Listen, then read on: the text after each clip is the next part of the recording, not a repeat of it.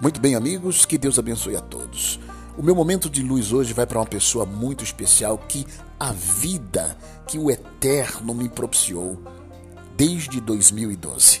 A esse amigo querido chamado Ronaldo, em que carinhosamente eu chamo de Raver.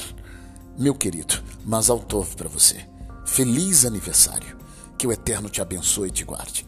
Que o Eterno resplandeça a luz do rosto dele sobre ti e lhe a paz. A paz física, a paz espiritual, a paz familiar, a paz em todos os aspectos, em todos os âmbitos da sua vida.